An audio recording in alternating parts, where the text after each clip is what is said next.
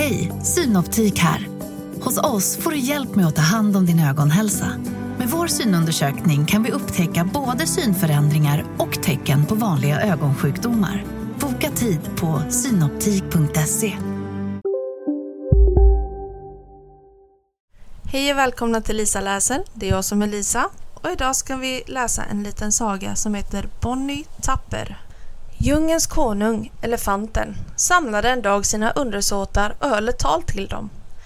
Nu är sommaren snart slut. Det har regnat mycket så det finns gott om föda i djungeln.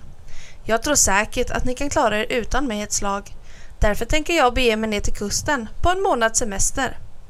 Alla undersåtarna, oxarna, hjortarna, vildsvinen, antiloperna, aporna och kaninerna blev naturligtvis mycket ledsna över att deras kung skulle lämna dem. Men eftersom de tycker så mycket om sin kung Elefant så unnade de honom en välbehövlig semester. Hög och majestätisk som ett jättestort grått hus vaggade kung Elefant ut ur sin djungel och försvann snart ur sikte. Alla djuren i djungeln saknade sin älskade kung.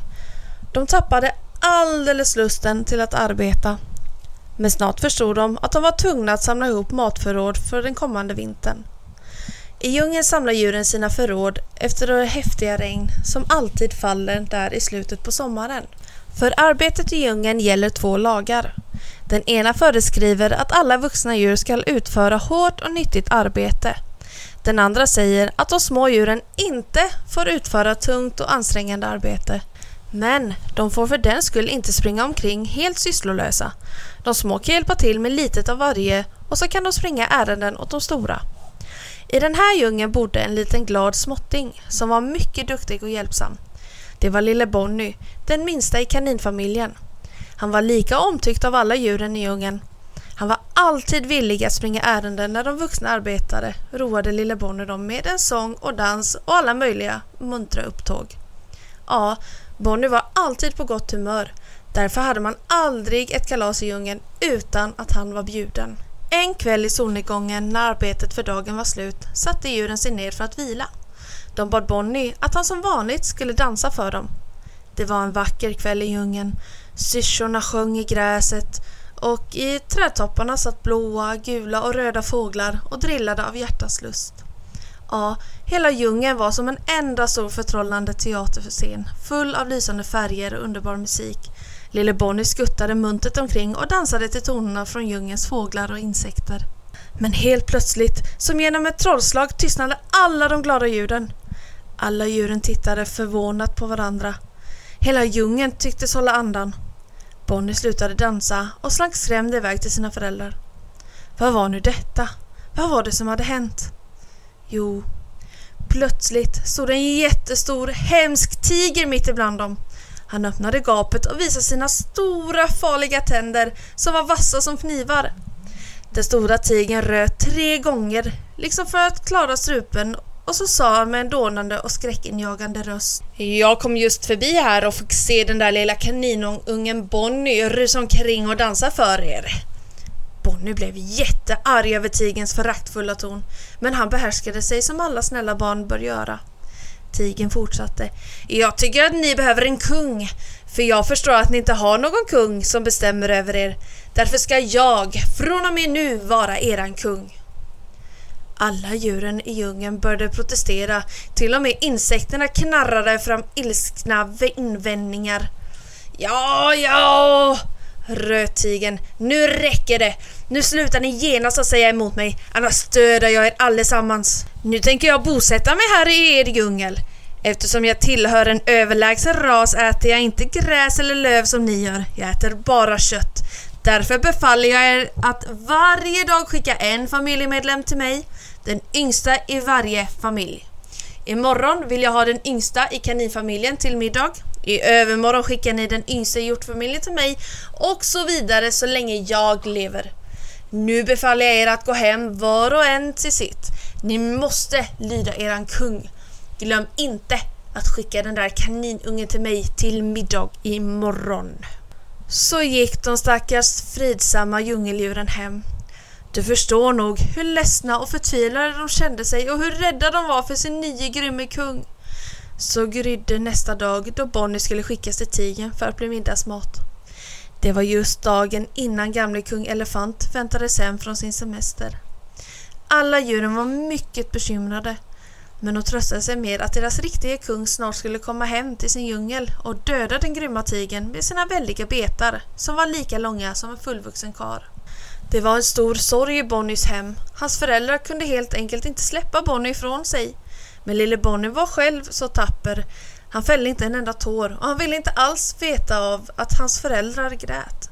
Han sjöng och visslade glatt när han gick hemifrån vid middagstid. Istället för att gå direkt till tigern tog Bonnie det lugnt och sölade på vägen. Och efter en timmes vandring kom han till en djup, djup brunn som gick långt ner i marken. Han smög försiktigt fram till kanten och tittade ner. Där nere fick han syn på en annan kanin. Och eftersom Bonny var klok och förståndig förstod han genast att det var sin egen spegelbild han såg långt där nere. Men bilden var så långt borta att Bonny tyckte att det såg ut som världens ände. Han stirrade längre ner i det djupa hålet och så mumlade han förskräckt. Om jag faller ner där så faller jag långt och djupt att jag slår ihjäl mig med detsamma. Förskräckt drog Bonnie sig tillbaka från brunnskanten. Och för att bygga upp sig så visslade han en liten stump och genast hörde ekot av hans vissling från brunnen. Ja, det lät precis som en annan liten kanin som hade visslat långt där nere. Plötsligt fick Bonnie en strålande idé. Förtjust! ropade han. Nu har jag det! Nu har jag det! Hurra! Nu vet jag hur jag ska hindra tigern från att äta upp mig! Glad och munter traskade nu lilla Bonnie direkt hem till tigern. Han fann den stora farliga besten på ett fruktansvärt humör och tigern fräste ilsket upp Bonnie. Varför kommer du så sent? Vad menar du egentligen? Vet du inte att... Jo, herr tiger, jag vet, svarade Bonnie. Men det är faktiskt inte mitt fel att jag kommer för sent. På vägen hit så mötte jag en annan tiger som också ville ha mig till middag. Han påstod att han är den riktiga kungen här i djungeln och inte ni. Men vad är det du säger? Det är det värsta jag har hört! Rört tigern ilsket. Ja, herr tiger. Det var han som uppehöll mig så att jag kom för, hit för sent. När han hörde att ni också påstod er vara kung här så skickade han mig för att be er möta honom. Möta honom! morrade tigern ilsket. Ja, jag ska visst möta honom. Jag ska döda honom på fläcken.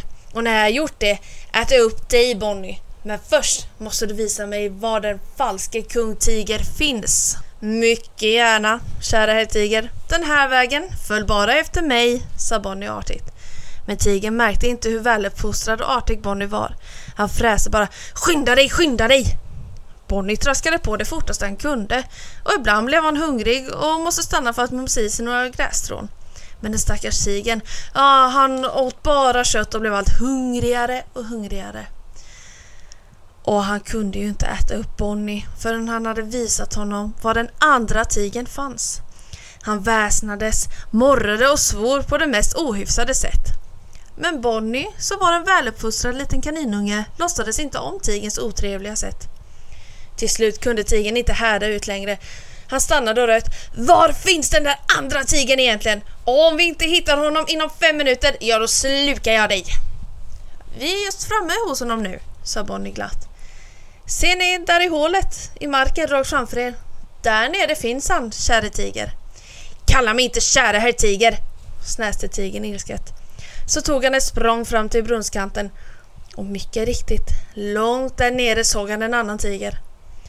Bonnie, som stod en bit ifrån brunnslocket, visste jag att tigern stod och tittade på sig själv i vattenspegeln. Men tigrar är mycket grymma och därför är de också mycket dumma. Nu när tigern fick syn på sin egen spegelbild skrek han ilsket Din bedragare! Du påstår att du är kung i den här djungeln. Jag påstår att du inte är det. Jag ska döda dig! Ekot från hans röst kom naturligtvis tillbaka från brunnen och skrek samma ord till tigern. Din bedragare! Du påstår att du är kung i den här djungeln. Jag påstår att du inte är det. Jag ska döda dig. Tigern blev rasande och röt. Hur vågar du härma mig? Ekot ropade tillbaka. Hur vågar du härma mig? Nu var tigern alldeles utom sig av raseri och skrek Din kruka! Jag ska döda dig på fläcken! Så tog han ett jätteskutt ner i den djupa brunnen. Men istället för att slå sig ner på en annan tiger föll han ner i en djup, djup brunn som knappast hade någon botten alls. När Bonnie äntligen kom hem var det kväll och solen höll just på att gå ner. Hans föräldrar trodde knappast sina ögon när de fick syn på honom. De omfamnade sin lille Bonnie och grät av glädje. Men var är tigern? Frågade mamma kanin. Jag har dödat honom, sa lille Bonnie. Nej, nu, nu skojar du med oss Bonnie, sa mamman. Nej, följ med mig så ska ni få se, svarade lille Bonnie stolt. Och så visade Bonnie dem den döde tigern som låg och flöt i brunnen. Nästa dag kom den gamle kung Elefant hem från sin semester. Han fick höra talas om Bonnys bedrift och sammankallade han åter sina undersåtar och meddelade dem att den lille kaninungen i fortsättningen skulle heta Bonnie Tapper. Och snipp snapp snut så var denna lilla saga om Bonnie Tapper slut.